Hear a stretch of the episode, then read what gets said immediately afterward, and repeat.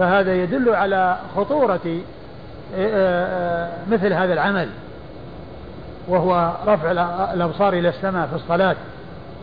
فالنبي صلى الله عليه وسلم قال لينتهين رجال يشخصون أبصارهم إلى السماء أو لا ترجع إليهم. يعني إما هذا وإما هذا إما أن ينتهوا أو أنهم يعاقبون بأنها لا ترجع إليهم أنها لا ترجع إليهم. وهذا يدلنا على تحريم ذلك وأنه لا يسوغ لأن كونه يعاقب عليه أو يحذر منه بمثل هذه العقوبة يدل على عدم جوازه وأن الإنسان لا يرفع بصره إلى السماء وهو يصلي وإنما عليه أن ينظر إلى مكان سجوده ويقبل على صلاته ولا يرفع رأسه إلى السماء. وقيل في معنى ذلك أنه فيه إخلال بالاستقبال لأن بدل ما كان يكون وجهه مستقبل القبلة التي هي مشروع له أن يستقبلها يكون مستقبلا السماء ولم يكن مستقبلا القبلة وإنما مستقبلا السماء. ففي هذا الإخلال في هذا الاستقبال. نعم. قال حدثنا مسدد قال حدثنا مسدد مر ذكره. عن أبي معاوية. عن أبي معاوية محمد بن خازم الضرير الكوفي ثقة أخرجه أصحاب كتب الستة. قال حاء وحدثنا عثمان بن أبي شيبة. قال حاء وهو التحول من إسناد إلى إسناد. حدثنا عثمان بن أبي شيبة الكوفي وهو ثقة أخرجه أصحاب كتب الستة إلا الترمذي. عن جرير. عن, عن جرير. نعم. عن جرير هو بن عبد الحميد الضبي الكوفي وهو ثقة أخرج له أصحاب كتب الستة. قال هذا حديثه وهو أتم. قال ها وهذا حديثه وهو أتم أي حديث أي حديث عثمان بن أبي شيبة عن جرير. وليس حديث مسدد عن, مسدد عن أبي معاوية. وهو أتم أي أتم من حديث مسدد. أي حديث الشيخ الثاني أتم من حديث مسدد. نعم. عن الأعمش. عن الأعمش وهو سليمان بن مهران الكاهلي. الكوفي ثقة أخرج له أصحاب كتب الستة. عن المسيب بن رافع. عن المسيب بن رافع وهو ثقة أخرج له أصحاب وهو ثقة أخرج له أصحاب كتب الستة. عن تميم بن طرف الطائي. عن تميم بن طرفة الطائي وهو ثقة أخرج له مسلم وأبو داود والنسائي وابن ماجه. مسلم وأبو داود والنسائي وابن ماجه. عن جابر بن سمرة. عن جابر بن سمرة رضي الله تعالى عنه وهو صحابي أخرج حديثه أصحاب كتب الستة. قال عثمان هو ابن أبي شيبة. قال دخل. قال عثمان؟ قال عثمان هو ابن أبي شيبة. يعني معناه معناه كأنه في الإسناد يعني آه أن أبا داود قال عثمان ومن دونه أضاف إلى ذلك هو ابن أبي شيبة. وهو موجود في أول الإسناد عثمان بن أبي شيبة. في أول الإسناد عثمان ابن أبي شيبة. فكونه قال عثمان ولم يقل هو ابن أبي شيبة اكتفاء بكونه نسبه في الأول وأنه معروف وأن الحديث جاء عن شيخين والشيخ الثاني هو عثمان أتم وهذا من زياداته وكون حديثه أتم من حديث مسدد نعم إيه، لكن يعني مجيء قال عثمان كلمة قال عثمان وحدها إيش يعني لماذا أتي به؟ ما هو في الحقيقة لأنه ما قال وهذا حديثه وهذا أتم. يعني معناه كأنها يعني يعني كأن المقصود منها والله أعلم ليبين الفرق بينه وبين بينه وبين مسدد. مسدد الذي قال ثم اتفقا سيأتي. مش فيه ثم اتفقا لا. ولا غيره؟ في حديث آخر؟ لعل هذا ما في. قال عثمان. قال عثمان؟ اي نعم ثم اتفق نعم. هذا هو. يعني الآن ليبين الشيء الذي انفرد به عثمان ثم يقول اتفقا أي مسدد وعثمان يعني قوله دخل الرسول صلى الله عليه وسلم المسجد فرأى فيه ناسا يصلون رافع أيديهم إلى السماء هذا كلام عثمان فقط. نعم. بعدين ثم اتفقا فقال لا ينتهين رجال. فقال يعني هذاك قال لا ينتهين أقوام. يعني ذاك ما عنده إلا لا ينتهين أقوام. بعدين مسدد عنده شيء ثاني. ما وجد الظاهر عند عثمان. وش هو؟ قال مسدد في الصلاة. نعم. أو لا ترجعوا إليهم أبصارهم. ينتهي أقوام في الصلاة. يعني هذه زيادة عنده. هذه زيادة عنده. عند مسدد. عند مسدد. نعم إيه. نعم. لكن هناك عنده يعني آه آه في الأول قال يعني رافع آه، أيديهم بالصلاة ولا لا؟ في الأول لا. كلام مسدد. دخل المسجد. أيوه. فرأى فيه ناسا يصلون. أيوه هذا هو. وقد رفعوا أيديهم. رافع أيديهم إلى السماء. يعني معناه موجود عنده في الكلام هذا. لكن في الآخر في لينتهين ما في. في الصلاة. يعني عند مسدد لأنه الآن وضعها قال مسدد في الصلاة أو لا ترجع إليه أنصاره نعم يعني كلمة في الصلاة التي في أثناء الحديث هي من زيادة مسدد. وأما عثمان بن أبي شيبة ليس عنده ذلك ولكن عنده في الأول أن رجالا كانوا دا دا في المسجد وقد رفعوا أبصارهم إلى السماء أو أيديهم إلى السماء فقال صلى الله عليه وسلم لا ينتهي أن أقوام ولكن ما في في الصلاة عند عند عثمان ومسدد عنده في الصلاة لكن ما عنده في الأول أن الرسول دخل المسجد ووجد رجالا يصلون وقد رفعوا أبصارهم إلى السماء. وكأن وكأن يعني الذي عند عثمان أنه لم يقل في الصلاة لأنه وجد في كلامه الأول ما يدل على هذا لأنه قال يعني رفعوا أبصارهم وهم يصلون. نعم. ومسدد يعني ما ذكر القصة وإنما ذكر الحديث. وقال في الصلاة لأنه يعني يعني لا يستقيم يعني بدونها. نعم. نعم بذكر القصة. قال حدثنا مسدد قال حدثنا يحيى عن سعيد بن أبي عروبة عن قتادة أن أنس بن مالك رضي الله عنه حدثهم.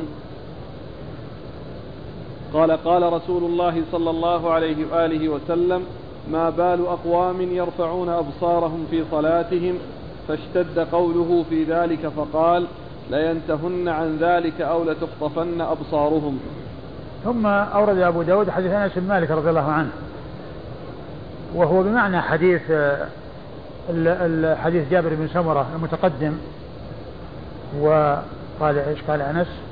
نعم إيش قال أنس؟ قال قال رسول الله صلى الله عليه وسلم ما بال أقوام يرفعون أبصارهم في الصلاة قال رسول رسول الله صلى الله عليه وسلم ما بال أقوام يرفعون أبصارهم بالصلاة؟ الرسول صلى الله عليه وسلم كان من عادته ومن هديه ومن حسن خلقه خلقه أنه إذا حصل يعني شيء من بعض الناس يحتاج إلى تنبيه وإلى يعني آآ آآ آآ بيان شيء يستفيد منه هؤلاء وغيرهم فإنه يأتي بكلام عام دون أن يسميهم. يأتي بكلام عام يستفيد منه الذين حصل منهم والذين لم يحصل منهم. يستفيد منه الذين حصل منهم والذين لم يحصل منهم.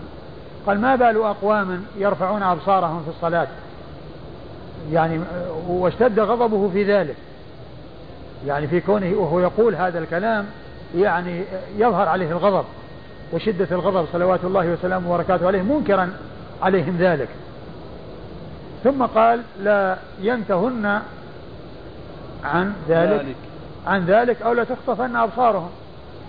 لا ينتهن عن ذلك أو لا تخطفن أبصارهم مثل ما مر في حديث لا ينتهن أو لا ترجع إليهم أبصارهم. يعني معناه يعني تسلب تخطف يعني آه، يذهب بصرها. ومثل قوله لا ترجع إليهم يعني معناه أنهم يفقدونها وأنهم لا آه، لا تبقى أو لا يبقى معهم الإبصار بل يحصل لهم العمى وهو مثل حديث جابر بن سمرة المتقدم تماما نعم قال حدثنا مسدد عن يحيى يحيى هو بن سعيد القطان البصري ثقة أخرجه أصحاب الكتب الستة. عن سعيد بن أبي عروبة. سعيد بن أبي عروبة ثقة أخرجه أصحاب الكتب الستة. عن قتادة. عن قتادة من دعامة السدوسي البصري ثقة أخرجه أصحاب الكتب الستة. عن أنس. عن أنس بن مالك رضي الله عنه صاحب رسول الله صلى الله عليه وسلم وخادمه وأحد السبعة المعروفين بكثرة الحديث عن النبي صلى الله عليه وسلم.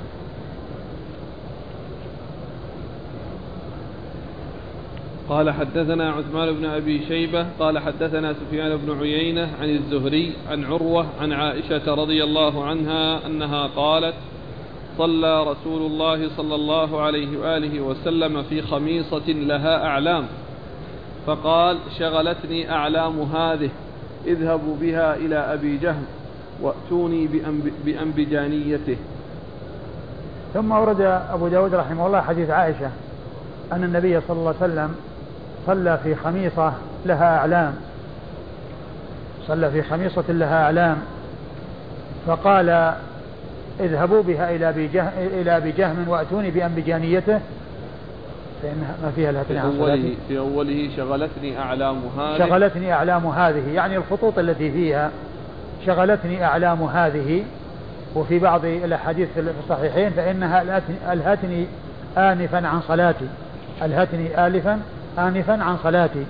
يعني أنه كان يعني حصل منه النظر يعني إليها فيعني حصل انشغاله بها.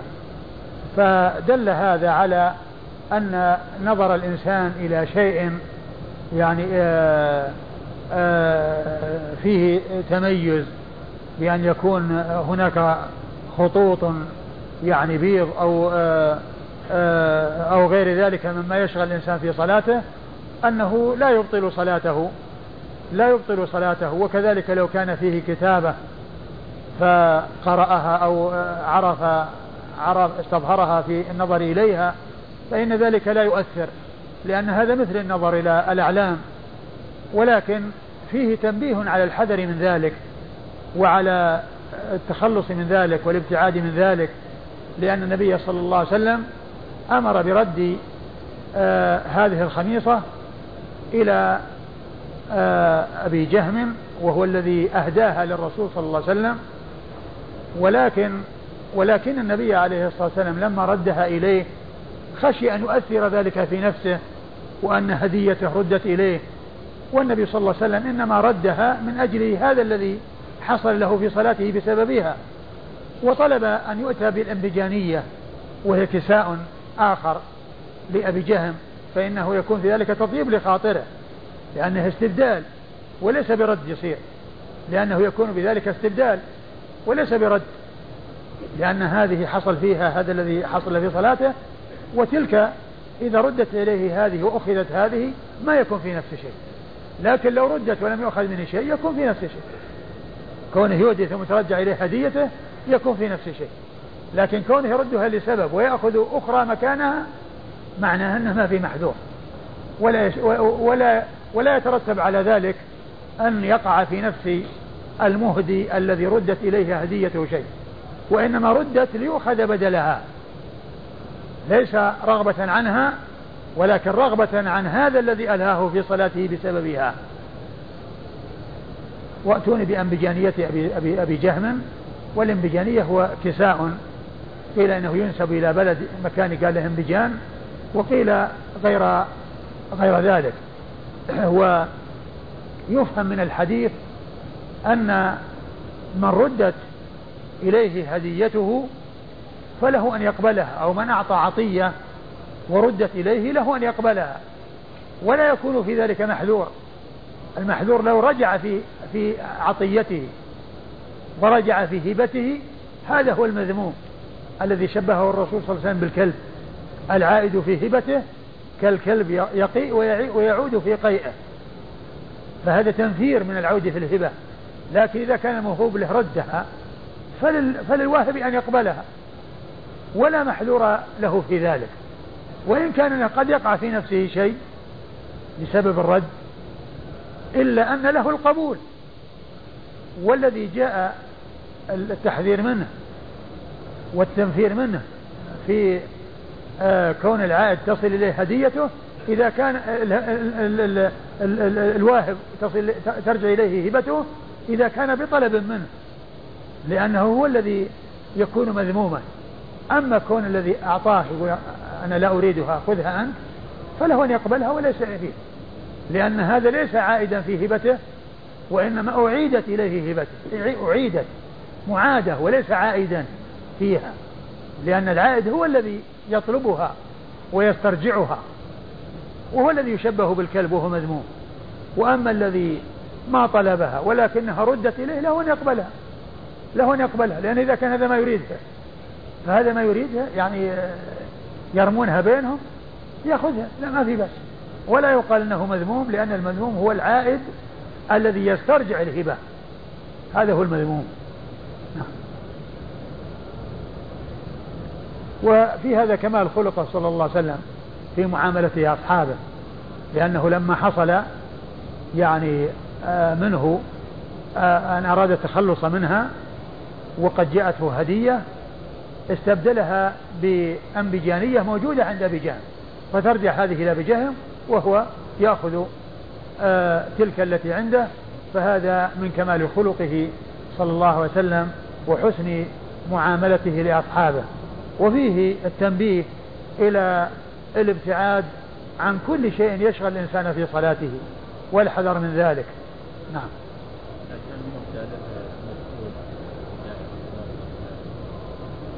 لا. هدايا هدايا العمال غلول. ليس للموظف أن يقبل الهدية. ليس للموظف أن يقبل الهدية. سواء كانت من موظف عنده أو من شخص آخر مراجع من المراجعين الذين يأتون من الخارج لحاجاتهم. فلا يجوز فلا يجوز لهم أن يهدوا يهدوا إلى الموظفين ولا يجوز من الموظفين أن يقبلوا منهم لأن هذا من الغلول وهذا مثل ما جاء في قصة آه، الرجل الذي هو من اللتبية أو اللتبية الذي آه، لما جاء بالصدقات وقال هذا لكم وهذا أهدي إلي أنكر ذلك رسول الله صلى الله عليه وسلم وقال ألا جلس في بيت أمه لينظر هل تأتيه هديته؟ يعني يعطي الهدية بسبب كونه عامل بسبب كونه موظف. فأخذ الموظفين الهدايا لا يجوز لا من الموظفين الذين دونهم ولا من المراجعين الذين يراجعون.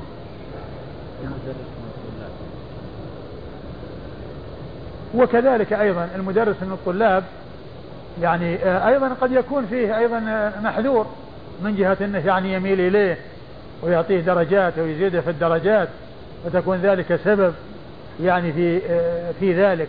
ولكنه إذا كان يعني أهدى له مثل كتاب يعطيه كتابا أحسن منه.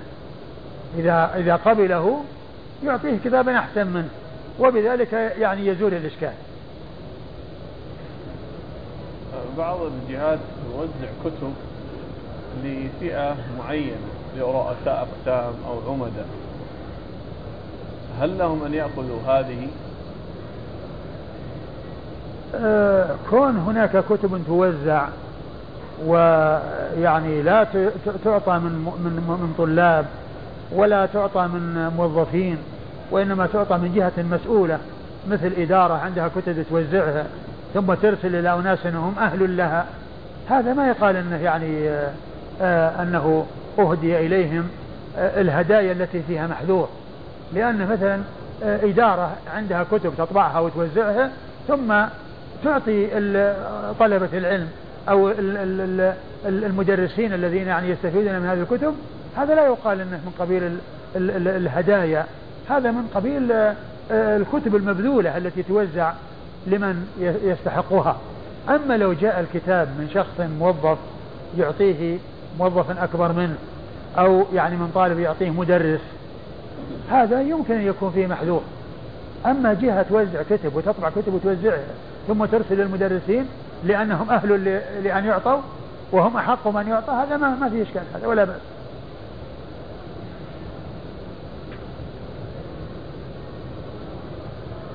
قال حدثنا عثمان بن أبي شيبة عن سفيان بن عيينة. سفيان بن عيينة المكي ثقة أخرجه أصحاب كتب الستة.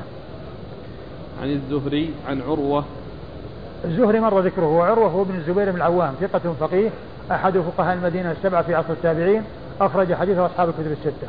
عن عائشة. عن عائشة وقد مر ذكرها.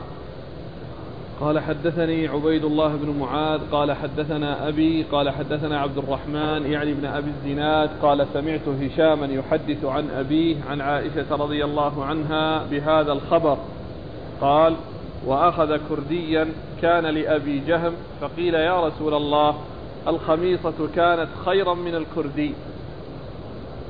ثم ورد أبو داود حديث عائشة رضي الله عنها من طريق أخرى. وفيه أنه أخذ كرديا يعني والمقصود به يعني الإنبجانية التي ردت يعني كما جاء في الحديث الأول. فقيل له الإنبجانية خير من الكردي. الخميصة. الخميصة نعم. الخميصة خير من الكردي يعني التي أرجعت خير من التي أخذت.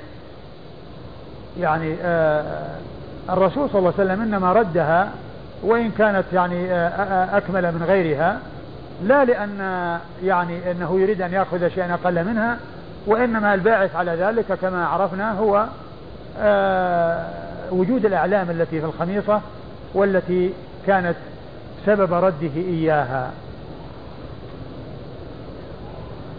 قال حدثني عبيد الله بن معاذ. عبيد الله بن معاذ بن معاذ العنبري ثقة أخرج حديثه مسلم. البخاري ومسلم وأبو داود والنسائي. البخاري ومسلم وأبو داود والنسائي. عن أبيه معاذ بن معاذ العنبري وهو ثقة أخرجه أصحاب كتب الستة. عن عبد الرحمن يعني ابن أبي الزناد. عن عبد الرحمن يعني ابن أبي الزناد. عبد الرحمن ابن عبد الله بن ذكوان لأن أبو الزناد هو عبد الله بن ذكوان المدني وهذا ابنه عبد الرحمن. وبه يكنى لأن أبو الزناد لقب وكنيته أبو عبد الرحمن. كنيته أبو عبد الرحمن. ولقبه أبو الزناد. مشهور أبوه بلقبه. وهنا قال عبد الرحمن يعني بن أبي الزناد. وهو صدوق. تغير حفظه لما قدم بغداد.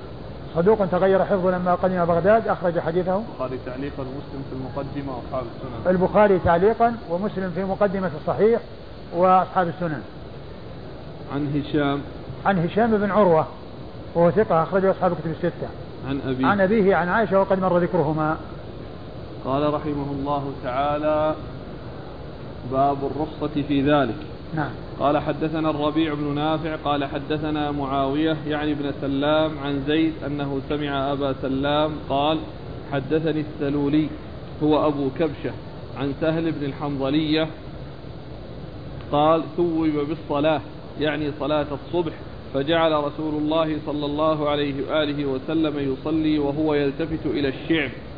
قال أبو داود وكان أرسل فارسا إلى الشعب من الليل يحرس. ثم أورد أبو داود هذه الترجمة وهي الرخصة. نعم. الرخصة في ذلك. الضمير في ذلك أقرب شيء إليه هو النظر في الصلاة. النظر في الصلاة. والترجمة التي قبلها الالتفات في الصلاة. لأنه مر ترجمتان. ترجمة القريبة النظر في الصلاة والترجمة التي قبلها الالتفات في الصلاة. التي قبل النظر في الصلاة الالتفات في الصلاة. فهل الإشارة في ذلك يرجع إلى النظر أو يرجع إلى الالتفات؟ بعض أهل العلم قال أن الأقرب أنه يرجع إلى الالتفات. يرجع إلى الالتفات. لكن الحديث يبدو والله أعلم أن فيه جمع بين أمرين. لأن فيه التفات وفيه نظر. لأنه التفت إلى جهة الشعب ينظر. يعني تلك الجهة التي أرسل إليها فارسا يحرج. فإذا القضية آه، تكون للأمرين. لأن فيه نظر وفيه التفات. فالنظر موجود لكونه ينظر إلى إلى جهة الشعب. يعني لأنه مو مجرد بس التفات هكذا. وإنما مجرد للنظر التفات للنظر. يعني الجهة التي مخوفة والتي أرسل إليها فارسا يحرس. فال آه، يمكن أن يقال أنه يرجع إلى الاثنين لأن فيه النظر وفيه الالتفات. ففيه التفات وفيه نظر. فيه التفات وفيه نظر. نعم. والله تعالى أعلم وصلى الله وسلم وبارك على عبده ورسوله نبينا محمد وعلى آله وأصحابه أجمعين.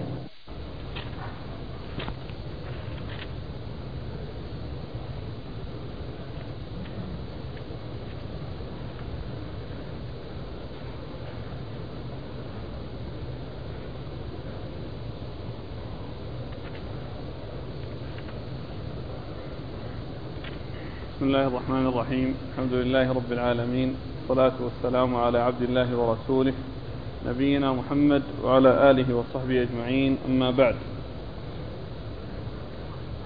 قال الإمام أبو داود السجستاني رحمه الله تعالى باب الرخصة باب الرخصة في ذلك.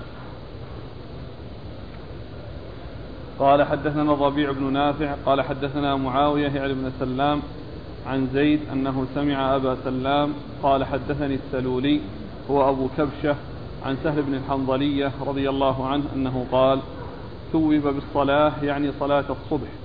فجعل رسول الله صلى الله عليه وآله وسلم يصلي وهو يلتفت إلى الشعب. قال أبو داود وكان أرسل فارسا إلى الشعب من الليل يحرس بسم الله الرحمن الرحيم. الحمد لله رب العالمين وصلى الله وسلم وبارك على عبده ورسوله نبينا محمد وعلى آله وأصحابه أجمعين. أما بعد فهذه الترجمة وهي الرخصة في ذلك أي الرخصة في الالتفات في الصلاة والنظر في الصلاة.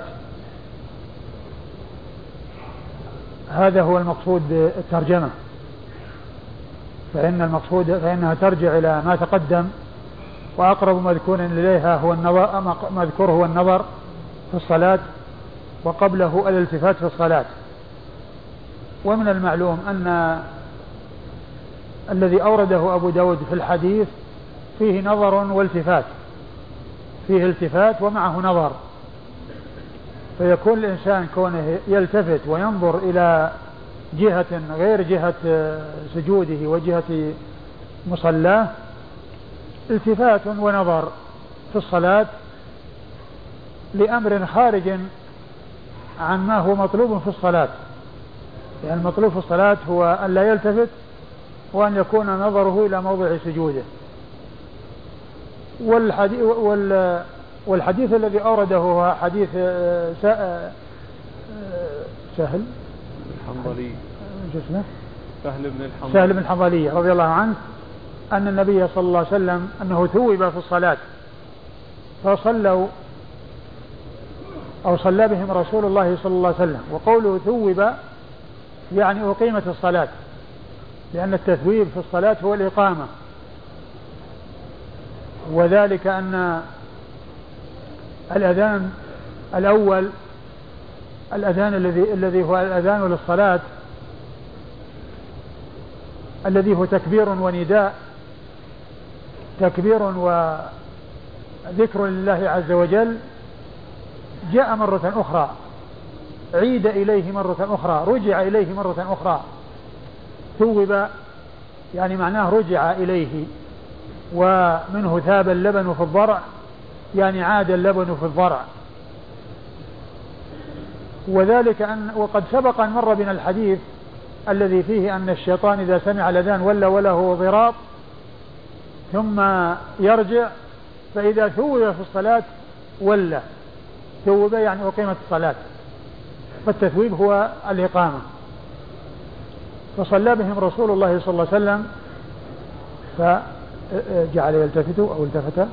جعل الرسول صلى الله عليه وسلم يصلي وهو يلتفت إلى الشعب فجعل يصلي وهو يلتفت إلى الشعب جعل يصلي وهو يلتفت إلى الشعب وكان قد أرسل فارسا إلى تلك الجهة يحرس.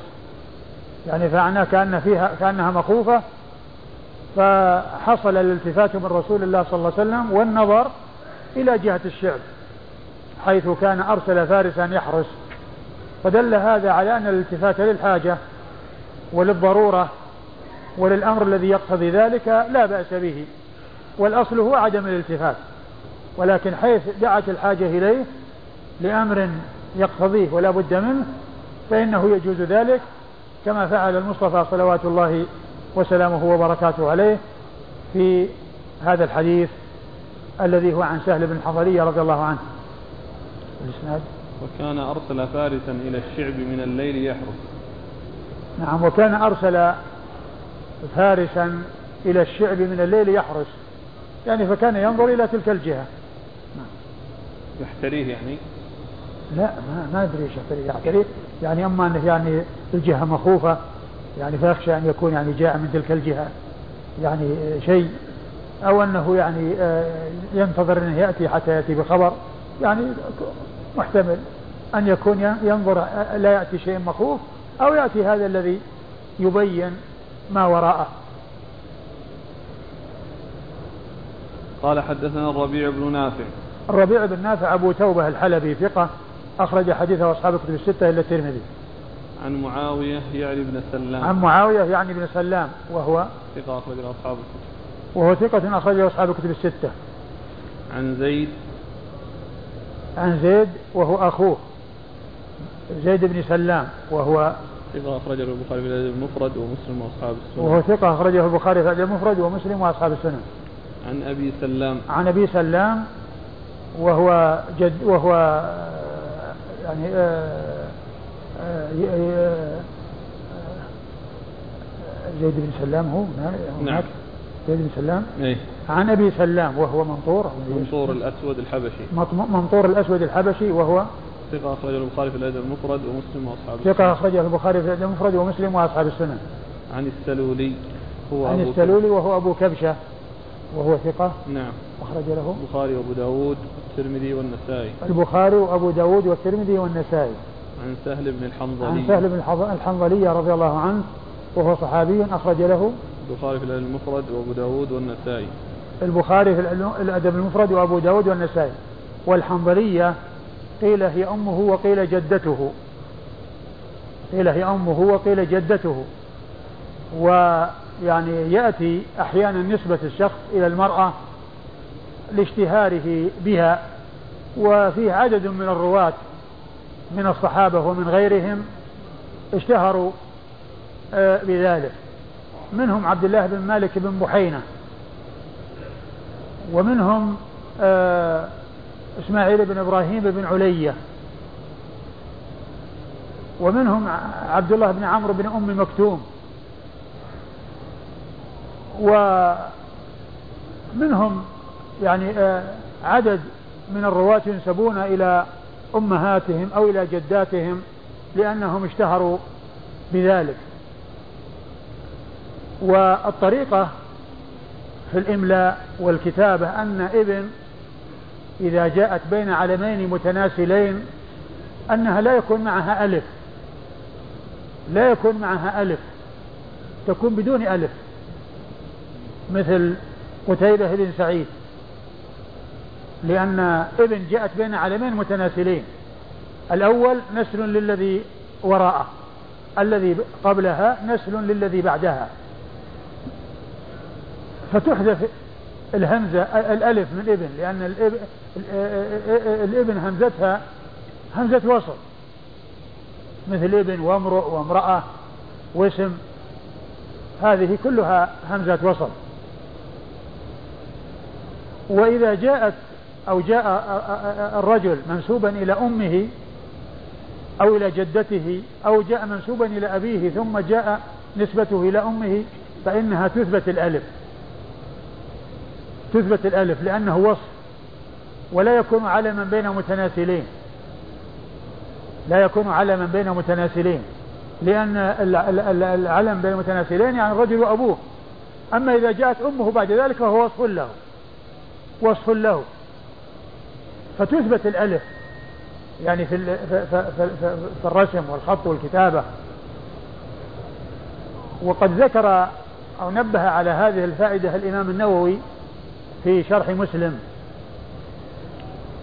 حيث ذكر أن يعني آه، عدد من الرواة يأتون منسوبين إلى أمهاتهم وأن ذلك يكون وصفا للراوي وأن الألف تثبت. وأما إذا كانت بين علمين متناسلين فإنها لا تثبت وإنما تحذف. يعني باء ونون بدون ألف. وإذا كانت وصفا يعني بعد ما ينسب الإنسان ويكون الإنسان يعني منسوب إلى أبيه أو غير منسوب إلى أبيه ولكن مشهورا يعني بالنسبة إلى جدة أو إلى أم. والمقصود بذلك الوصف لأن الرجال ينسبون إلى آبائهم لكن يأتي أحيانا نسبة للأم يعني وصفا للرجل وتعريفا أو آه، آه، ذكرا بما اشتهر به فتثبت الألف. وكما قلت النووي رحمه الله نبه على هذه الطريقة أو هذه القاعدة في الرسم والكتابة. و وكنت ذكرت يعني هذه الفائدة في ضمن آه، الفوائد المنتقاة من فتح الباري وكتب أخرى ورقمها 613 الفائدة رقمها 613 من ذلك الكتاب. وفيه الإحالة إلى كلام النووي في في, في شرح مسلم. الإحالة إلى إلى هذا الكلام والأشخاص الذين هم عدد جاءوا منسوبين إلى أمهاتهم منهم من ذكرت ومنهم من لم أذكر. فهو موجود في آه، ذلك الموضع الذي أشرت إليه. وهو الموجود في الفوائد المنتقاة من فتح الباري وكتب أخرى ورقم الفائدة 613 وعندها ذكر الموضع الذي في صحيح مسلم الذي تكلم فيه النووي بهذا الكلام.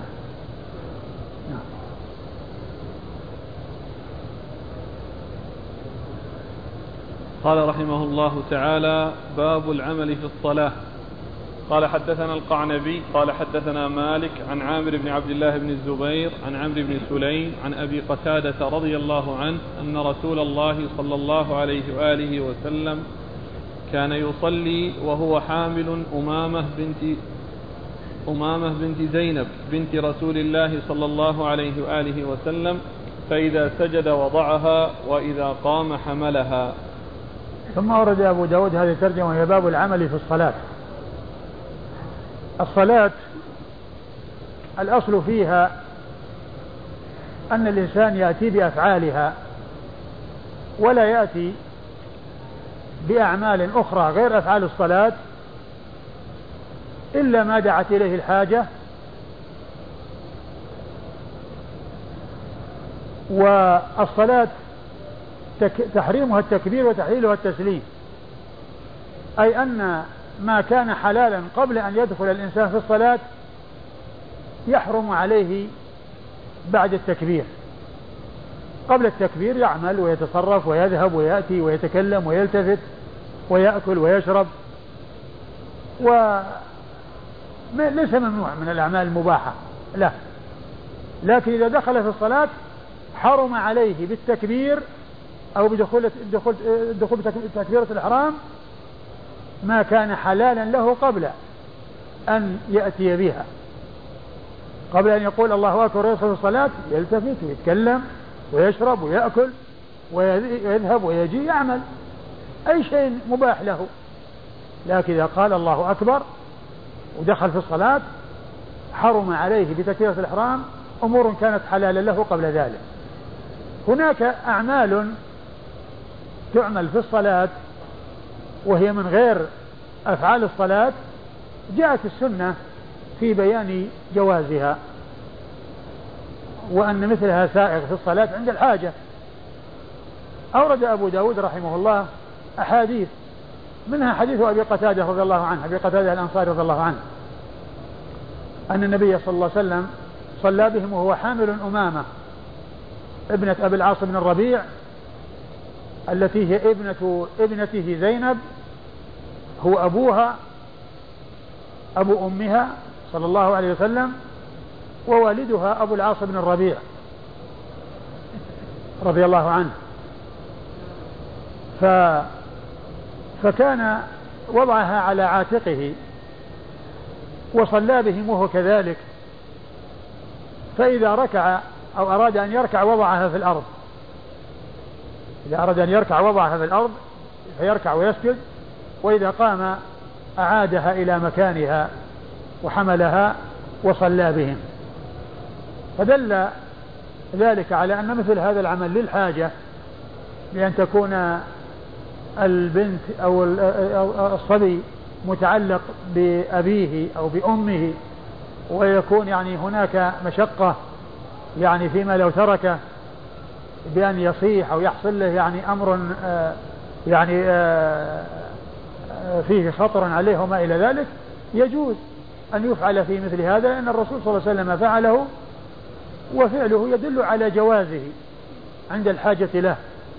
فمثل هذا العمل الذي فعله رسول الله صلى الله عليه وسلم وهو القدوة والأسوة لأمته سائغ عند الحاجة إليه فهو عمل من الأعمال في الصلاة جاءت السنة ببيان أن مثل ذلك سائغ للحاجة. نعم. كان صلى الله أن رسول الله صلى الله عليه وسلم كان يصلي وهو حامل أمامة بنت, بنت زينب ابنة رسول الله صلى الله عليه وسلم فإذا سجد وضعها وإذا قام حملها. نعم. قال حدثنا القعنبي حدثنا القعنبي هو عبد الله بن مسلمة بن قعنب القعنبي. ثقة أخرج حديثه أصحاب كتب الستة إلا ابن ماجه. عن مالك. عن مالك بن أنس إمام دار الهجرة. الإمام المشهور أحد أصحاب المذاهب الأربعة المشهورة من مذاهب أهل السنة وحديثه أخرجه أصحاب كتب الستة. عن عامر بن عبد الله بن الزبير. عن عامر بن عبد الله بن الزبير وهو ثقة أخرج أصحاب الكتب. وهو ثقة أخرجه أصحاب الكتب الستة. عن عمرو بن سليم. عن عمرو بن سليم الزرقي وهو ثقة أخرج أصحاب وهو ثقة أخرجه أصحاب الكتب الستة. عن أبي قتادة. عن أبي قتادة الحارث بن ربعي الأنصاري رضي الله تعالى عنه صاحب رسول الله صلى الله عليه وسلم وحديثه أخرجه أصحاب الكتب الستة.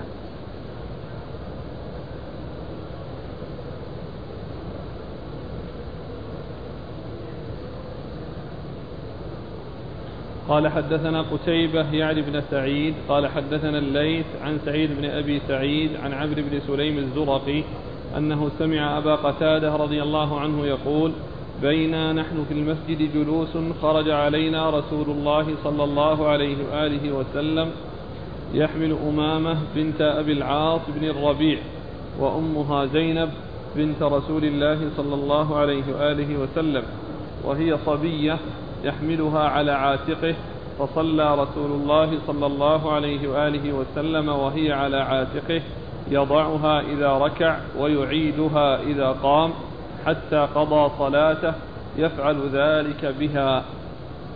ثم ورد أبو داود رحمه الله حديث أبي قتادة الأنصاري من طريق أخرى وهو مثل الذي قبله.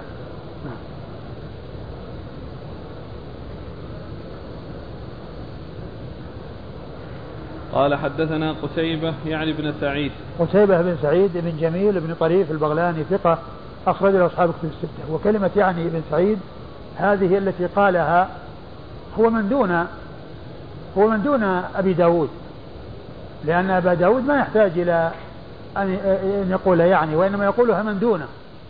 أبو داود عبر بقتيبة فقط. والذي دون أبي داود وهو الراوي عنها ومن دونه هو الذي أتى بكلمة يعني ابن سعيد. وهذا في الحقيقة زيادة إيضاح وإلا فإن قتيبة هذا اسم يعني ليس ليس ليس في الكتب الستة آه، من هو مسمى بهذا الاسم إلا هو. شوف في قتيبة واحد ثاني قتيبة بن سعيد بالتقريب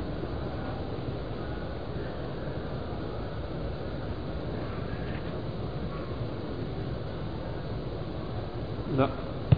هو الوحيد في الكتب الستة الذي يسمى قتيبة. فلو لم يذكر هذا ما في واحد ثاني يلتبس له لأن رواة الكتب الستة أو أصحاب الكتب الرواة لأصحاب الكتب الستة في الكتب وفي غيرها ليس فيهم من يسمى قتيبة سوى هذا الرجل الذي هو قتيبة بن سعيد. فهو مما قلت التسمية به. يعني من الأسماء المفردة. التي تقل التسمية بها أو قلت التسمية بها. فلو لم يأتي يعني ابن سعيد يعني ما يلتبس. لكن هذا جرى على العادة أنهم يأتون للإيضاح أو لزيادة الإيضاح. نعم. عن الليث.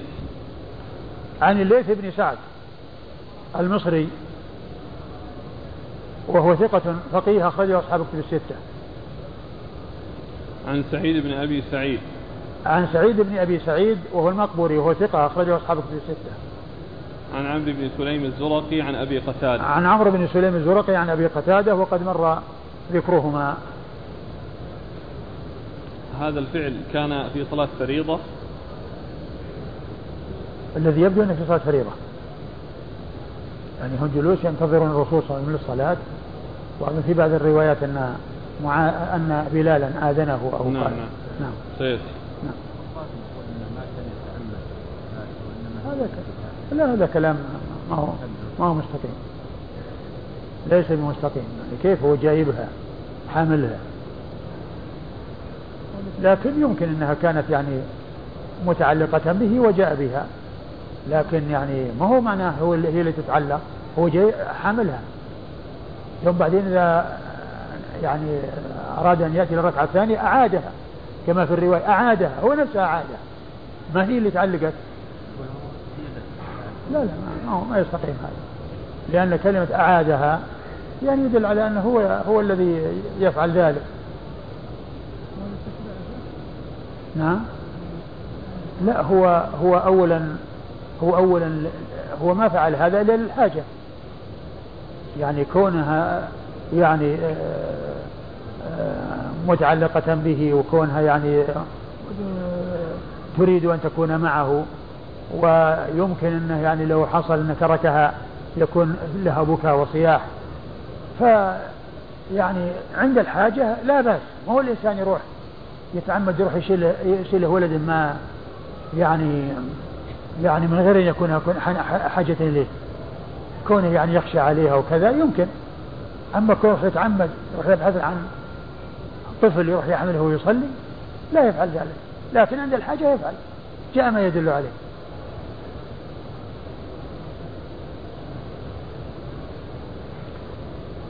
قال ولا يقال إن مثل هذا مطلقا سنة بحيث الإنسان يبحث يبحث عن ولد يحمله ويصلي وأنه يعني إذا ما فعل ما فعل السنة. وإنما هذا أمر يعني تدعو إليه حاجة جائز. عندما يدعو حاجة إليه هو جائز. أما من غير حاجة إليه ليس الإنسان يحمل الطفل في الصلاة يشغل نفسه بحمله وهو ليس بحاجة إلى ذلك. لكن لا يقال أن أن مثل ما قال الخطابي أنها هي المتعلقة وليس هذا من فعله صلى الله عليه وسلم وإنما هي التي تتعلق وتفعل ذلك مثل ما فعل الحسن والحسين يعني في كونهم في كونه يركب على الرسول وهو ساجد. نعم.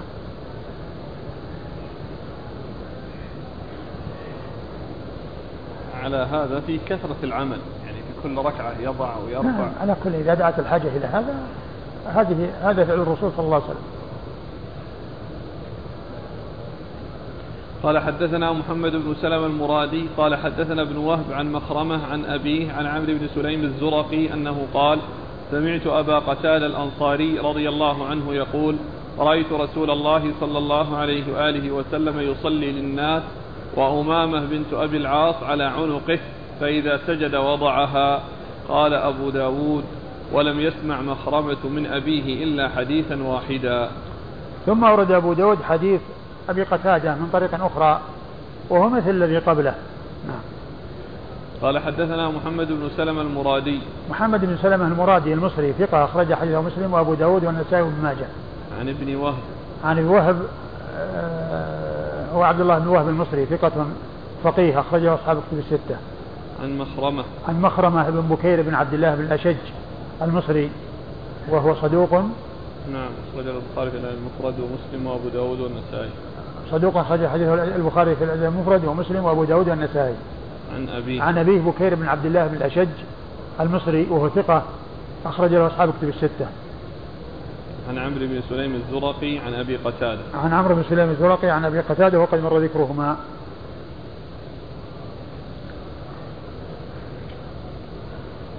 آه، قول الخطابي فيه دليل على أن ثياب الأطفال وأبدانهم على الطهارة ما لم يعلم النجاة. نعم هذا هو الأصل. الأصل فيها أنها محمولة على الطهارة إذا علمت النجاسة ولهذا كل إنسان يحمل الطفل أقول يحمل الطفل ويعني آه ما هو يعني يقول أصل فيه النجاسة؟ يعني وإنما الأصل فيه الطهارة إلا إذا علمت النجاسة. إذا علمت النجاسة يعني علم بأن هناك شيء خلاف الأصل وإلا في الأصل هو طهارة ثياب الأطفال. نعم. هذا سائل يقول السؤال مستعجل. إذا كان الولد أو الجارية التي يحملها الشخص في الصلاة عليها حفاظة وفيها شيء من النجاسة فما حكم الصلاة؟ والله إذا كانت النجاسة ظاهرة إذا كانت النجاسة ظاهرة ويمكن أنها تؤثر لا يجوز له أن يحملها وأما إذا كان يعني فيه نجاسة ولكنها ما هي ظاهرة ولا ولا تصل إليه ولا يعني آه، سبيل يعني لها في الوصول إليه ما في بس هذه المسألة قريبة من مسألة يعني الطواف بالأطفال. اي نعم أقول هذه من جنسه الحاجة أو دعاء الحاجة إلى حمل الأطفال. يعني والأصل هو طهارة ثيابهم وأبدانهم إلا إذا وجدت النجاسة. هذا يعني يشق التحرز عنه بالنسبة للأطفال في الطواف. على كيف كيف نعرف واحد؟ الأصل أنه ما دام أنه ما ظهر يعني هو غالبا أن الحفائض يعني تكون ال ال ال يعني ال النجاسات إذا وجدت هي من الداخل. يعني تتشربها الحافظة هذه وفي مانع يمنعها من أن تظهر. ما دام أن الإنسان ما ظهر ما ظهر له شيء وما طلع منه شيء يعني يمكن أن يوسخ المسجد أو يمكن أنه يوسخ الإنسان يعني آه، ما عليه شيء. سؤالي عن حكم طواف هذا الصغير. يعني هذا الصغير الآن جايبينه يعتمر به أو يحج. أيه. طوافه كيف؟ و... وأنتم تعلمون أنه من شرط الطواف الطهارة. هذا كما هو معلوم مثل الذي سلس البول الذي بسلس البول معذور والأطفال اللي إذا كان النجاسة يعني آه ما يعني آه يسلمون منها لكنها ما تخرج للناس ولا تجي الم... تأتي المسجد ولا تأتي للحامل فيصير مثل الذي بسلس البول ما يؤثر. قال أبو داود لم يسمع مخرمة من أبيه إلا حديثا واحدا. وكونه لم يسمع منه إلا حديثا واحدا وهو يروي الآن عن أبيه لا يؤثر لأنه جاء حديث طرق كثيرة كلها صحيحة عن أبي قتادة في هذا المعنى وفي هذا الموضوع. قال حدثنا يحيى بن خلف قال حدثنا عبد الأعلى قال حدثنا محمد يعني بن إسحاق عن سعيد بن أبي سعيد المقبوري عن عمرو بن سليم الزرقي عن أبي قتادة صاحب رسول الله صلى الله عليه وآله وسلم ورضي الله عنه. قال بينما نحن ننتظر رسول الله صلى الله عليه وآله وسلم للصلاة في الظهر أو العصر وقد دعاه بلال للصلاة إذ خرج إلينا وأمامة بنت أبي العاص بنت ابنته على عنقه. فقام رسول الله صلى الله عليه وآله وسلم في مصلاه وقمنا خلفه وهي في مكانها الذي هي فيه. قال فكبر فكبرنا. قال حتى إذا أراد رسول الله صلى الله عليه وآله وسلم أن يركع أخذها فوضعها ثم ركع وسجد حتى إذا فرغ من سجوده ثم قام أخذها فردها في مكانها. فما زال رسول الله صلى الله عليه وآله وسلم يصنع بها ذلك في كل ركعة حتى فرغ من صلاته. صلى الله عليه وآله وسلم. وهذه طريقة أخرى لحديث أبي قتادة الأنصاري رضي الله عنه في قصة حمله أمامة آه، ابنة ابنته زينب وابنة أبي العاص بن ربيع و آه، وهو كما تقدم. نعم. وفيه بيان أن الصلاة أنها فريضة وأن بلالا آذنه في الصلاة. نعم. قال حدثنا يحيى بن خلف. يحيى بن خلف صدوق أخرج له مسلم وأبو داود والترمذي والنسائي. صدوق أخرج حديثه مسلم. أخرج له مسلم وأبو داود والترمذي وابن ماجه.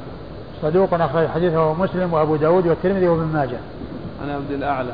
عن عبد الأعلى بن عبد الأعلى وهو ثقة أخرجه أصحاب كتب الستة. عن محمد يعني بن إسحاق. عن محمد يعني يعني بن إسحاق المدني وهو وهو صدوق أخرج حديثه البخاري تعليقا ومسلم وأصحاب السنن. عن سعيد بن أبي سعيد المقبوري عن عمرو بن سليم الزرقي عن أبي قتادة. وقد مر ذكرهم جميعا.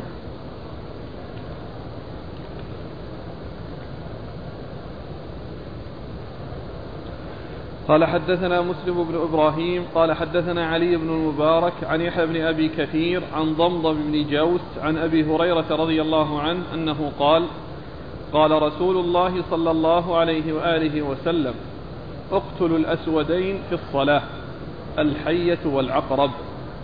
ثم ورد أبو داود رحمه الله حديث أبي هريرة أن النبي صلى الله عليه وسلم قال اقتلوا الحية في الصلاة اقتلوا الأسودين الحي في الصلاة الحية والعقرب. وهذا عمل في الصلاة يدل على أن مثله سائغ. كون الإنسان يقتل الحية والعقرب وهو في الصلاة سائغ لأن في قتلهما دفع لضررهما وعدم تشوش في الصلاة لأنها لو لو ما حصل يعني قتلها سيتشوش في الصلاة سيتشوش في الصلاة بسببها وقتلها يذهب هذا التشوش ويتخلص منه. فجاءت السنة عن رسول الله صلى الله عليه وسلم أن مثل هذا العمل ولو تكرر يعني بأن ضربها ضربة أو ضربتين أو ثلاث أن ذلك عمل سائغ في الصلاة مأذون به في الصلاة كما جاء بهذا الحديث عن رسول الله صلى الله عليه وسلم. نعم. ما اشتهر عند العوام أن أكثر من ثلاثة حركات تبطل الصلاة؟ والله ما نعلم له أساس. أقول ما نعلم له أساس. قال حدثنا مسلم بن إبراهيم مسلم بن إبراهيم الفراهيدي ثقة أخرج له أصحاب كتب الستة. عن علي بن المبارك. عن علي بن المبارك وهو ثقة أخرج له أصحاب الكتب. وهو ثقة أخرج له أصحاب كتب الستة. عن يحيى بن أبي كثير. يحيى بن أبي كثير اليمامي وهو ثقة أخرج له أصحاب كتب الستة. عن ضمضم بن جوز. عن ضمضم بن جوس وهو ثقة أخرج له أصحاب السنن. وهو ثقة أخرج له أصحاب السنن. عن أبي هريرة. عن أبي هريرة عبد الرحمن بن صخر الدوسي صاحب رسول الله صلى الله عليه وسلم. وأكثر الصحابة حديثا على الإطلاق رضي الله عنه وأرضاه. قال حدثنا أحمد بن حنبل ومسدد وهذا لفظه. قال حدثنا بشر يعني ابن المفضل. حدثنا أحمد بن حنبل ومسدد أيوة. وهذا لفظه. نعم. قال حدثنا بشر يعني ابن المفضل. قال حدثنا برد عن الزهري عن عروة بن الزبير عن عائشة رضي الله عنها أنها قالت كان رسول الله صلى الله عليه وآله وسلم قال أحمد يصلي والباب عليه مغلق فجئت فاستفتحت قال أحمد فمشى ففتح لي ثم رجع إلى مصلاه وذكر أن الباب كان في القبلة. ثم ورد أبو داود هذا الحديث حديث عائشة رضي الله عنها أن النبي صلى الله عليه وسلم كان في الحجرة وقد أغلق عليه الباب فجاءت وطرقت الباب ففتح لها وتقدم وفتح الباب وكان في جهة الأمام فدل على أن مثل هذا العمل الذي هو كونه يتقدم ويمشي خطوات ويفتح الباب وهو في الصلاة أن مثل ذلك العمل سائر. لأن النبي صلى الله عليه وسلم لما طرق عليه الباب آه تقدم وفتح الباب وحصول التقدم منه وحصول فتح الباب هذا عمل في الصلاة. فدل على أنه سائغ للحاجة لأنه لو كان لو لم يفتح الباب يمكن يتكرر الطرق فيكون فيه شيء من التشويش. يكون فيه شيء من التشويش. ثم آه، أيضا لا يقال أن عائشة تعلم أنه يصلي وأنها فعلت ذلك وهو يصلي صلى الله عليه وسلم. فيمكن والله أعلم أن تكون ما علمت بذلك. وأنها لو علمت بذلك أنها صبرت وانتظرت حتى يفرغ. لكن الواقع أنها لما طرقت كان يصلي ففتح لها الباب وعاد إلى صلاته أو استمر في صلاته صلى الله عليه وسلم. فدل هذا على أن مثل هذا العمل لا بأس به. وأن مثله سائغ في الصلاة لأن رسول الله صلى الله عليه وسلم فعله وهو القدوة والأسوة صلوات الله وسلامه وبركاته عليه.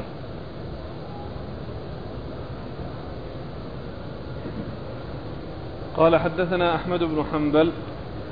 أحمد بن حنبل أحمد بن محمد بن حنبل الشيباني الإمام المشهور أحد أصحاب المذاهب الأربعة المشهورة من مذاهب أهل السنة وحديثه أخرجه أصحاب الكتب الستة. ومسدد هو بن مسرهد البصري ثقة أخرج حديثه البخاري وأبو داود والترمذي والنسائي. قال وهذا لفظه أي لفظ مسدد أي الشيخ الثاني. أي الشيخ الثاني. أيوة. عن بشر يعني ابن المفضل. عن بشر يعني ابن المفضل وهو ثقة أخرج له أصحاب الكتب الستة. عن برد. عن برد وهو ابن سنان وهو صدوق أخرج له البخاري في الأدب المفرد وأصحاب السنن. وهو صدوق أخرج حديثه آه، أبو البخاري في الأدب المفرد وأصحاب السنن. عن الزهري. عن الزهري محمد بن مسلم بن عبيد الله بن شهاب الزهري ثقة فقيه أخرج له أصحاب الكتب الستة. عن عروة بن الزبير. عن عروة بن الزبير بن العوام آه، ثقة فقيه أحد فقهاء المدينة السبعة في عصر التابعين وحديثه أخرجه أصحاب الكتب الستة عن خالته عائشة أم المؤمنين رضي الله تعالى عنها وأرضاها الصديقة بنت الصديق وهي واحدة من سبعة أشخاص أشخاص عرفوا بكثرة الحديث عن النبي صلى الله عليه وسلم نعم. وش الإسناد؟ الحديث الكلام شو؟ وش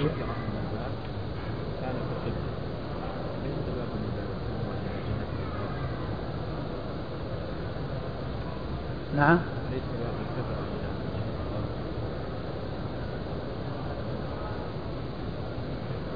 لا هو يمكن أنه يعني وطبعا هو إلى جهة الغرب. لأن المسجد في الجهة في الجهة الغربية. في الجهة الغربية يعني الغربية. الحجرة يعني شرق المسجد والمسجد غربها. فيمكن انه إلى جهة القبلة المقصود به ليس جهة القبلة إن وإنما هو يمكن في الزاوية. وهو يصلي وتقدم إلى جهة القبلة. تقدم إلى جهة القبلة وفتح. لأنه إذا كان إنه يعني يصلي وهو في مؤخره الحجرة والباب في الزاوية الجنوبية الغربية يعني معناه على الغرب وهو في آخر الحجرة من الغرب يعني يكون يكون إلى جهة القبلة يعني معناه نتقدم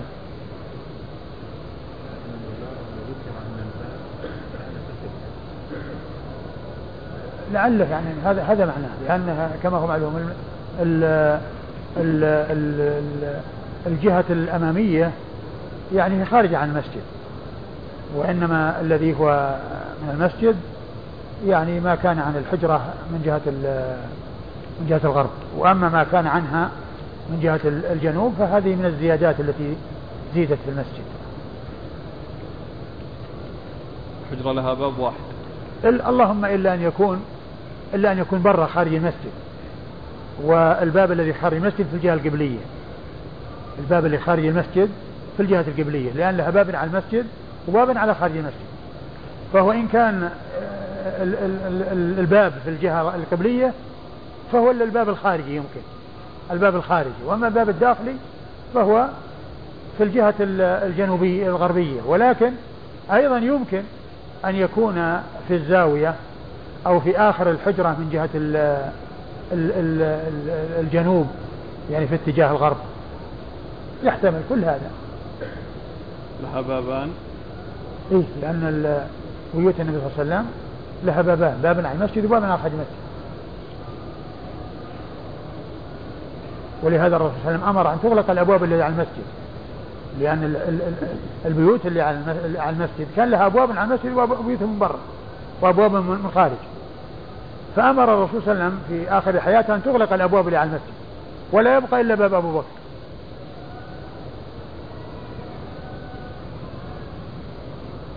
وهذا فيه إشارة إلى خلافته لأنه يعني سيحتاج إلى الدخول والخروج كما كان النبي صلى الله عليه وسلم يدخل ويخرج نعم.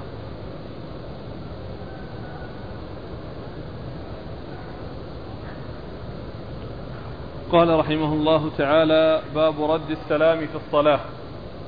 قال حدثنا محمد بن عبد الله بن نمير قال حدثنا ابن فضيل عن الأعمش عن إبراهيم عن علقمة عن عبد الله رضي الله عنه أنه قال كنا نسلم على رسول الله صلى الله عليه وآله وسلم وهو في الصلاة فيرد علينا فلما رجعنا من عند النجاشي سلمنا عليه فلم يرد علينا وقال إن في الصلاة لشغلا. ثم ورد أبو داود هذه الترجمة وهي الرد رد السلام في الصلاة. يعني رد السلام على المسلم من المصلي وهو في صلاته. وقد جاءت السنة عن رسول الله صلى الله عليه وسلم بأنه يسلم يرد بالإشارة وجاء عنه صلى الله عليه وسلم أنه رد بعد الصلاة. أنه رد السلام بعد أن فرغ من الصلاة. جاء هذا وجاء هذا.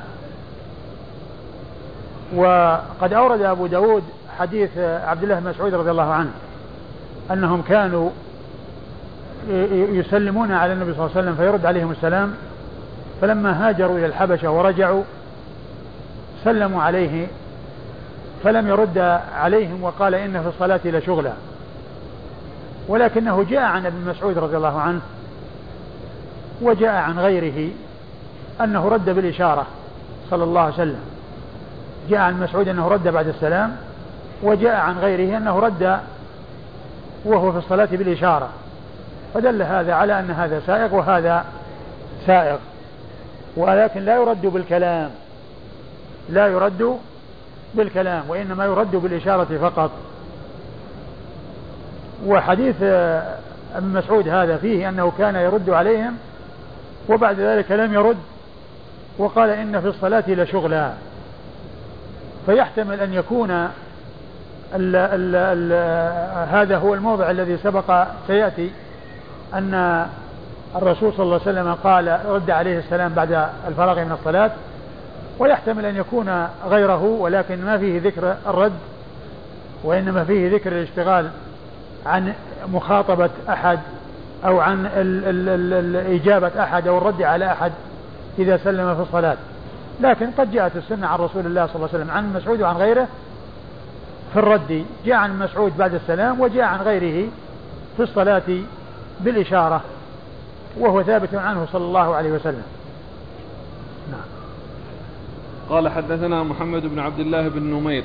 محمد بن عبد الله بن نمير ثقة أخرج له أصحاب كتب الستة. عن ابن فضيل. عن ابن فضيل وهو محمد بن فضيل بن غزوان وهو صدوق أخرج له أصحاب كتب الستة. عن الأعمش. عن الأعمش سليمان بن مهران الكاهلي ثقة أخرج له أصحاب كتب الستة. عن إبراهيم. عن إبراهيم بن يزيد بن قيس النخعي الكوفي ثقة أخرج له أصحاب كتب الستة. عن علقمة. عن علقمة بن عن عن علقمة بن قيس النخعي وهو ثقة أخرج له أصحاب كتب الستة. عن عبد الله. عن عبد الله بن مسعود الهذلي صاحب رسول الله صلى الله عليه وسلم وأحد فقهاء الصحابة وحديثه أخرجه أصحاب كتب الستة.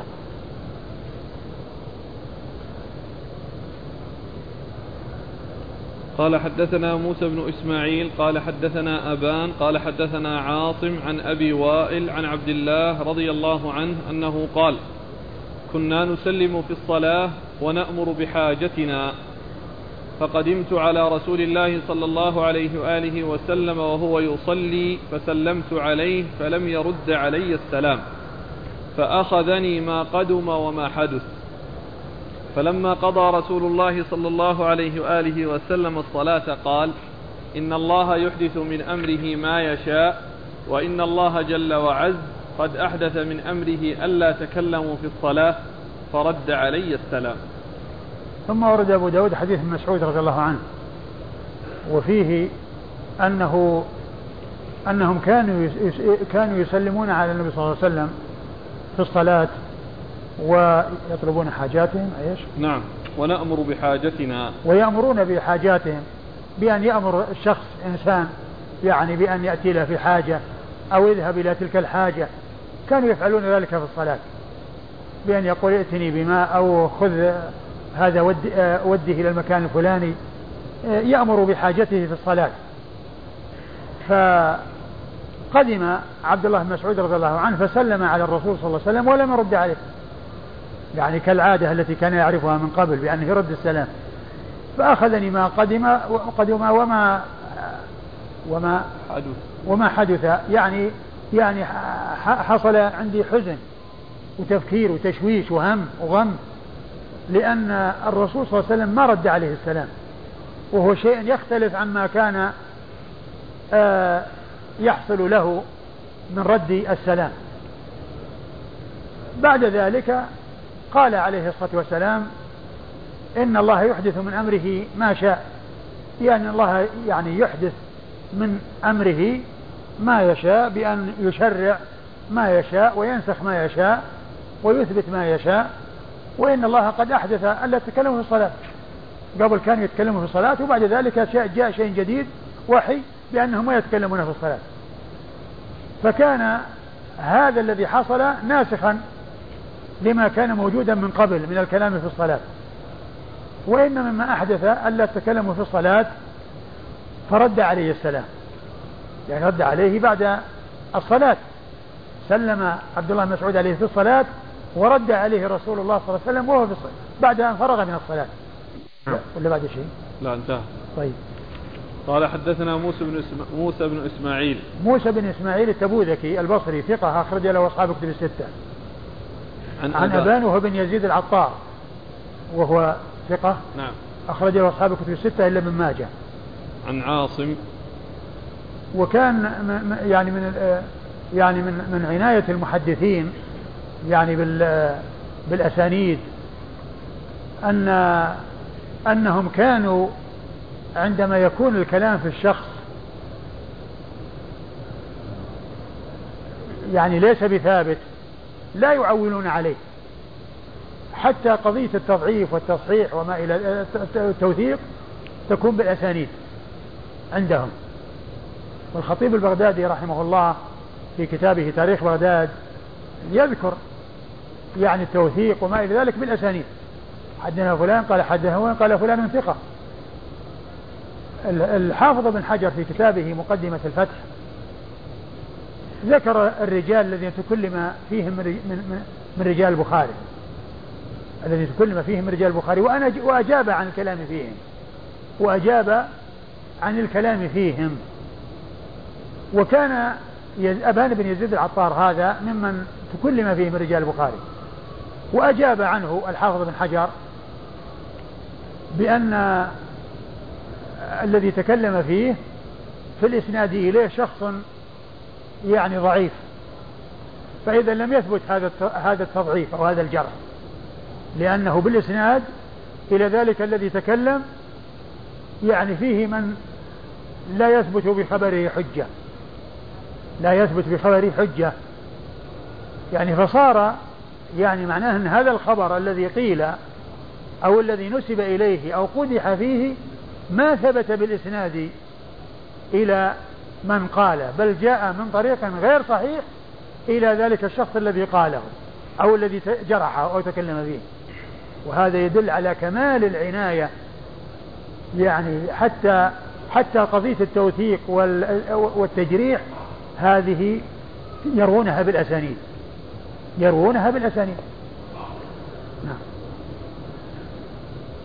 عن عاصم. عن عاصم وهو ابن أبي النجود.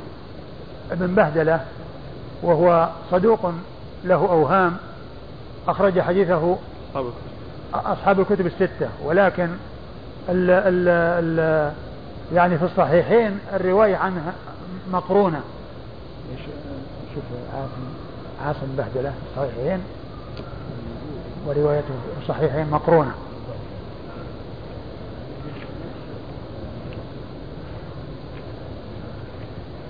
نعم. حجة في القراءة وحديثه في الصحيحين مقرون. وحديثه يعني هو من رجال الكتب الستة ومن رجال الصحيحين ولكن في الصحيحين مقرون هو مع غيره. يعني لم يأتي وحده.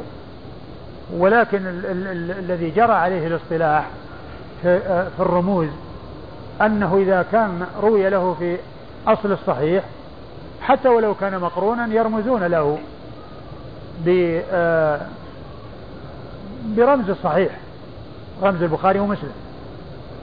وإن كان ليس يعني روي عنه استقلالا فهذا اصطلاحهم. أنه إذا كان روايته في الصحيحين بالأسانيد ولو كان مقرونا يرمز له يرمز له بالأصول. أما إذا كان تعليقا يرمز له بخاتم نعم. عن أبي وائل. عن أبي وائل وهو شقيق بن سلمة. وهو مخضرم ثقة. ثقة المخضرم أخرج له أصحاب كتب الستة. عن عبد الله. عن عبد الله بن مسعود وقد مر ذكره.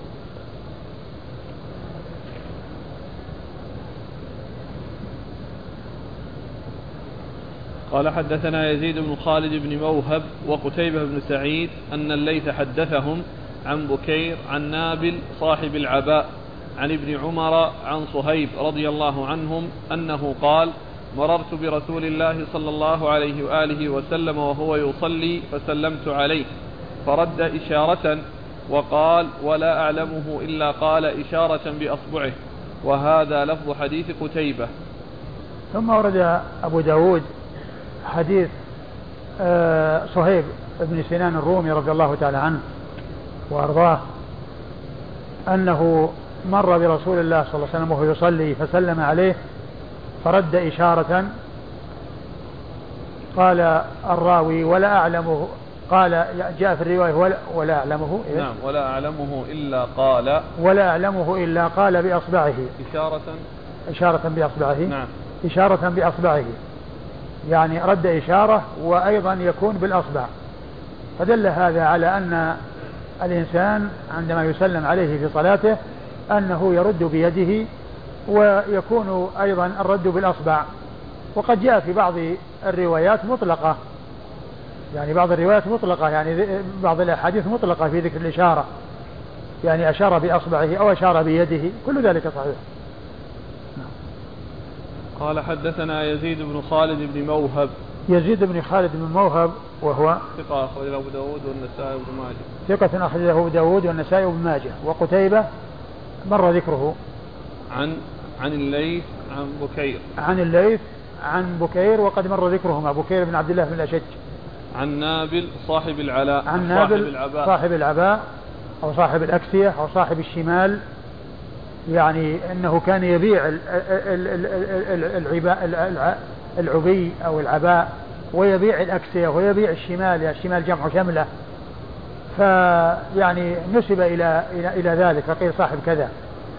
وهو مقبول. نعم أخرجه أبو داود والترمذي والنسائي. أخرج حديث أبو داود والترمذي والنسائي.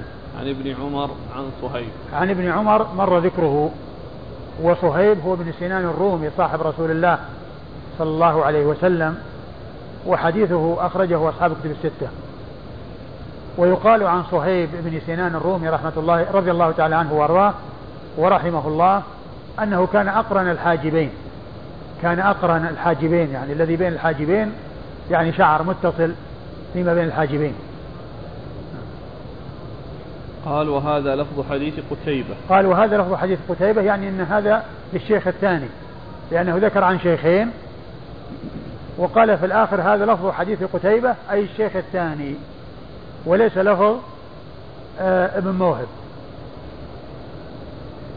وأبو داود رحمه الله أحيانا يأتي وهذا لفظه بعد الشيخين مباشرة.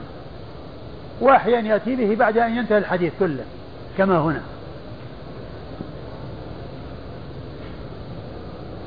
قال حدثنا عبد الله بن محمد النفيلي قال حدثنا زهير قال حدثنا أبو الزبير عن جابر رضي الله عنه أنه قال أرسلني نبي الله صلى الله عليه وآله وسلم إلى بني المصطلق فأتيته وهو يصلي على بعيره فكلمته فقال لي بيده هكذا.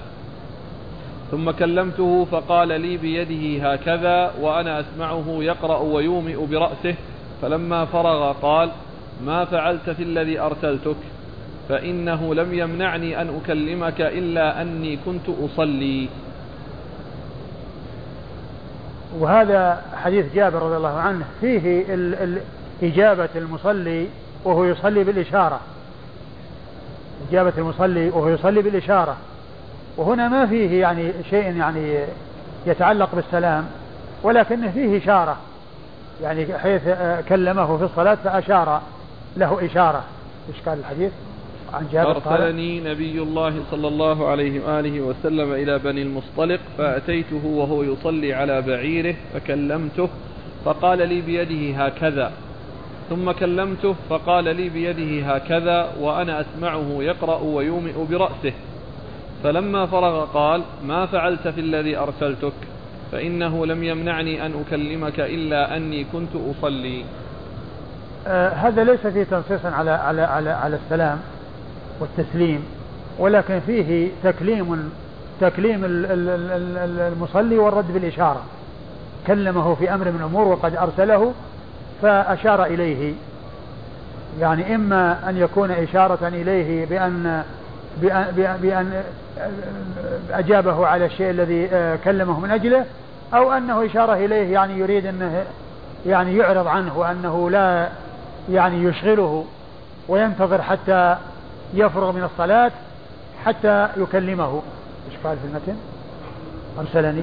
أرسلني نبي الله صلى الله عليه وآله وسلم إلى بني المصطلق فأتيته وهو يصلي على بعيره نعم. فكلمته فقال لي بيده هكذا نعم. ثم كلمته فقال لي بيده هكذا وأنا أسمعه يقرأ ويومئ برأسه فلما فرغ قال ما فعلت في الذي أرسلتك فإنه لم يمنعني أن أكلمك إلا أني كنت أصلي ويمكن أن يكون يعني جابر رضي الله عنه كلمه يعني لأنه راكب على البعير وظن أنه يعني كعادته أو كهيئته يعني الراكب يعني يكون مصليا وغير مصلي.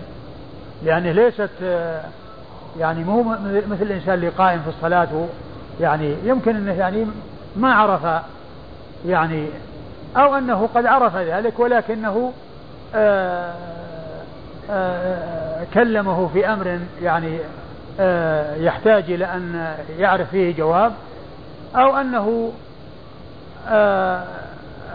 فهم أن هذا سائق ولكن الرسول صلى الله عليه وسلم أراد أن يصرفه عن هذا السؤال الذي سأله أن يخاطبه وأن يكلمه في الصلاة. ولما فرغ قال سأله عن الذي أرسله إليه وقال ما منعني إلا أني كنت أصلي. لكن كونه على بعير هذا فيه احتمال أن جابر رضي الله عنه ما كان يعرف أنه يصلي.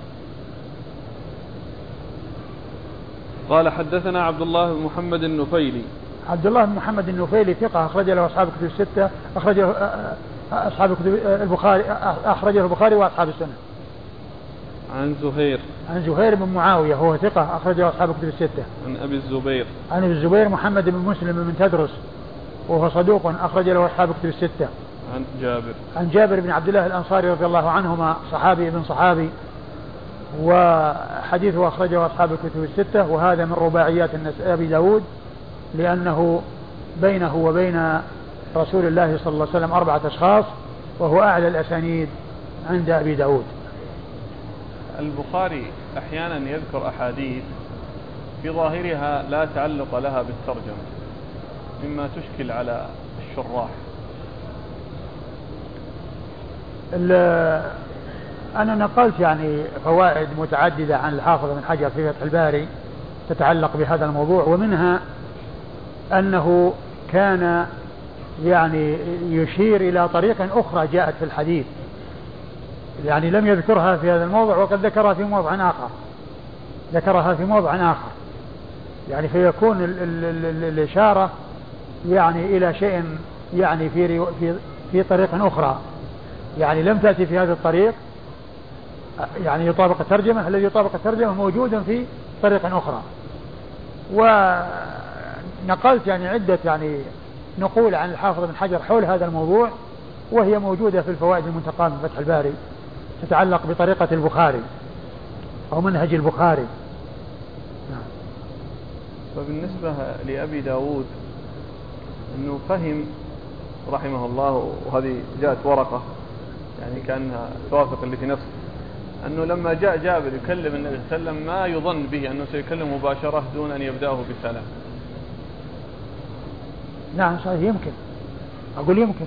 يمكن في في سلام وفي كلام. يمكن. هذا هو الغالب. بل هذا هو الأصل. أنه يعني لا يكل أن أن التكريم يكون بعد السلام. أن التكريم يكون بعد السلام. ولكن هنا فيه تكرار الكلام. كلمته ثم كلمته ويشير إليه. يعني ما هي مرة واحدة أكثر من مرة.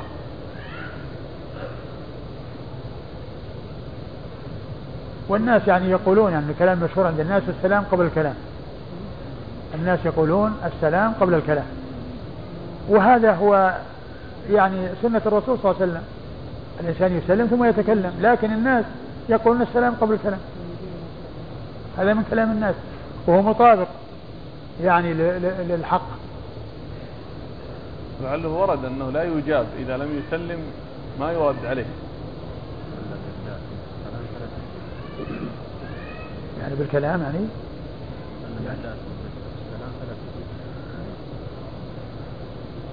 يعني يعني لا يجاب بالكلام إذا كلم يعني أول يسلم. أنا ما أعرف الحديث الذي في حديث هذا لكن لا شك أن أن الكلام لا يأتي بعد السلام.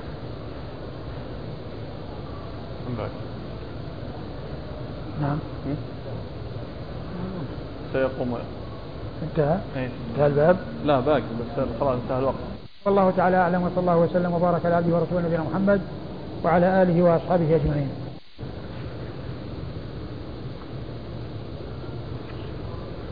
بسم الله الرحمن الرحيم. الحمد لله رب العالمين والصلاة والسلام على عبد الله ورسوله نبينا محمد وعلى آله وصحبه أجمعين. أما بعد قال الإمام أبو داود السجستاني رحمه الله تعالى تحت باب رد السلام في الصلاة قال حدثنا الحسين بن عيسى الخراساني الدامغاني.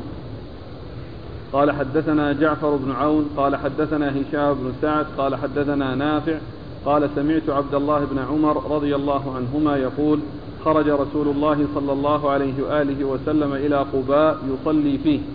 قال فجاءته الأنصار فسلموا عليه وهو يصلي. قال فقلت لبلال كيف رأيت رسول الله صلى الله عليه وآله وسلم يرد عليهم حين كانوا يسلمون عليه وهو يصلي؟ قال يقول هكذا. وبسط كفه وبسط جعفر بن عون كفه وجعل بطنه أسفل وجعل ظهره إلى فوق. بسم الله الرحمن الرحيم. الحمد لله رب العالمين وصلى الله وسلم وبارك على عبده ورسوله نبينا محمد وعلى آله وأصحابه أجمعين أما بعد. فقد سبق أن مر في الدرس الماضي البدء بترجمة باب رد السلام في الصلاة. وعرفنا جملة من الأحاديث في ذلك وبقي جملة منها ومنها حديث عبد الله بن عمر بن الخطاب رضي الله تعالى عنهما هذا الذي فيه أن النبي صلى الله عليه وسلم خرج إلى قبى يصلي فيه فجاءت الأنصار تسلم عليه وهو في الصلاة فقال الراوي ماذا يقول للصحابي الذي كان معه؟ كيف رأيت رسول الله صلى الله عليه وسلم يرد عليهم؟ قال هكذا وأشار بيده وجعل بطنها إلى الأرض وظهرها إلى فوق أي أنه يرد عليهم السلام بالإشارة على هذه الهيئة. وسبق أن مر بنا الحديث الذي فيه أنه كان يومي بإصبعه وسبق أن مر بنا أيضا حديث عبد الله بن مسعود الذي فيه أنه رد عليه بعد السلام وعلى هذا فإن المصلي إذا سلم عليه في الصلاة فإنه يرد بالإشارة وله أن لا يرد ولكنه يرد بعد السلام كما جاءت السنة عن رسول الله صلى الله عليه وسلم بهذا وبهذا. نعم. قال حدثنا الحسين بن عيسى الخراساني الدامغاني. الحسين بن عيسى الخراساني الدامغاني وهو صدوق. نعم. صدوق أخرج له البخاري ومسلم وأبو داود والنسائي. صدوق أخرجه البخاري ومسلم وأبو داود والنسائي. عن جعفر عن جعفر بن عون وهو ثقة. صدوق. وهو صدوق أخرج له أصحاب الكتب. أخرج له أصحاب الكتب الستة. عن هشام بن سعد. عن هشام بن سعد وهو صدوق. صدوق له أوهام. صدوق له أوهام أخرج حديثه. البخاري تعليقا ومسلم وأصحاب السنن البخاري تعليقا ومسلم وأصحاب السنن عن نافع. عن نافع مولى بن عمر وهو ثقة أخرج له أصحاب الكتب الستة. عن عبد الله بن عمر بن الخطاب رضي الله تعالى عنهما الصحابي الجليل وهو أحد العبادلة الأربعة من الصحابة وأحد السبعة المعروفين بكثرة الحديث عن النبي صلى الله عليه وسلم.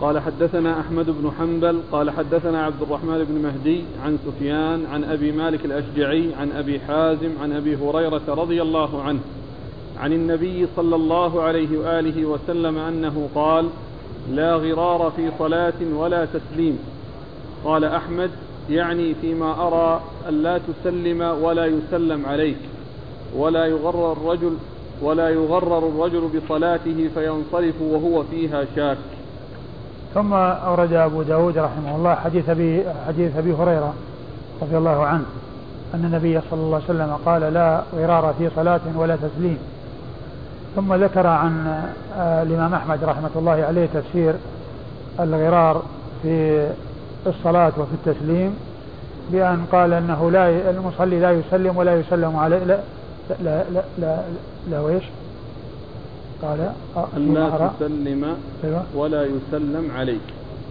أن لا تسلم ولا يسلم عليك. يعني في الصلاة يعني لا يسلم على أحد ولا يسلم عليه أحد. آه هذا هو معنى الغرار كما قال الإمام أحمد في الصلاة بالنسبة للتسليم. وأما بالنسبة للصلاة فهو أن يصلي الرجل آه هو أن يصلي ويغر الرجل بصلاته فينصرف وهو فيها شاك. أن يغر الرجل بصلاته فينصرف وهو فيها شاك. قالوا ومن أمثلة ذلك أنه إذا شك هل صلى ثلاثا أو أربعا اعتبرها أربعا ولم يعتبرها ثلاثا. فإنه في هذه الحالة لا يكون هناك قطع الشك باليقين فيبقى الشك معه. أما إذا اعتبرها ثلاثا وصلى آه، آه، الرابعة. فإن كانت الرابعة زيادة فإنها لا تؤثر وإن كانت الرابعة يعني باقية على أصلها فهي مكملة لغيرها.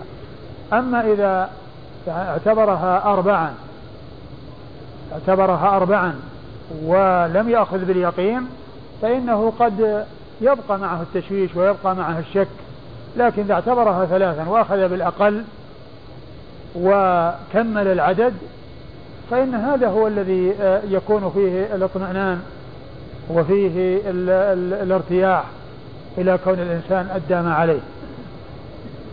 فهذا هو معنى الغرار في الصلاة أو كونه يغر في صلاته فينصرف منها وهو شاك. أما لو أنه اعتبرها ثلاثا إذا شك هل هي ثلاث ولا أربع اعتبرها ثلاثا ثم اعتبر الركعة الرابعة هذا ما يبقى عنده شك وإنما الشك لو أخذ بالرقم الأخير اللي هو الأعلى ثم بعد ذلك آه لم يطمئن إلى أنه صلى المطلوب الذي هو أربع ركعات الذي هو أربع ركعات. لأنه إذا اعتبر العدد الأقل وأخذ بالأقل من الاثنين المشكوك فيهما أضاف وخرج من الشك باليقين. وإن بقي على العدد الأكبر الذي وقف عنده وأنه يحتمل أن يكون ثلاث ويحتمل أن يكون أربع بقي الشك على ما هو عليه.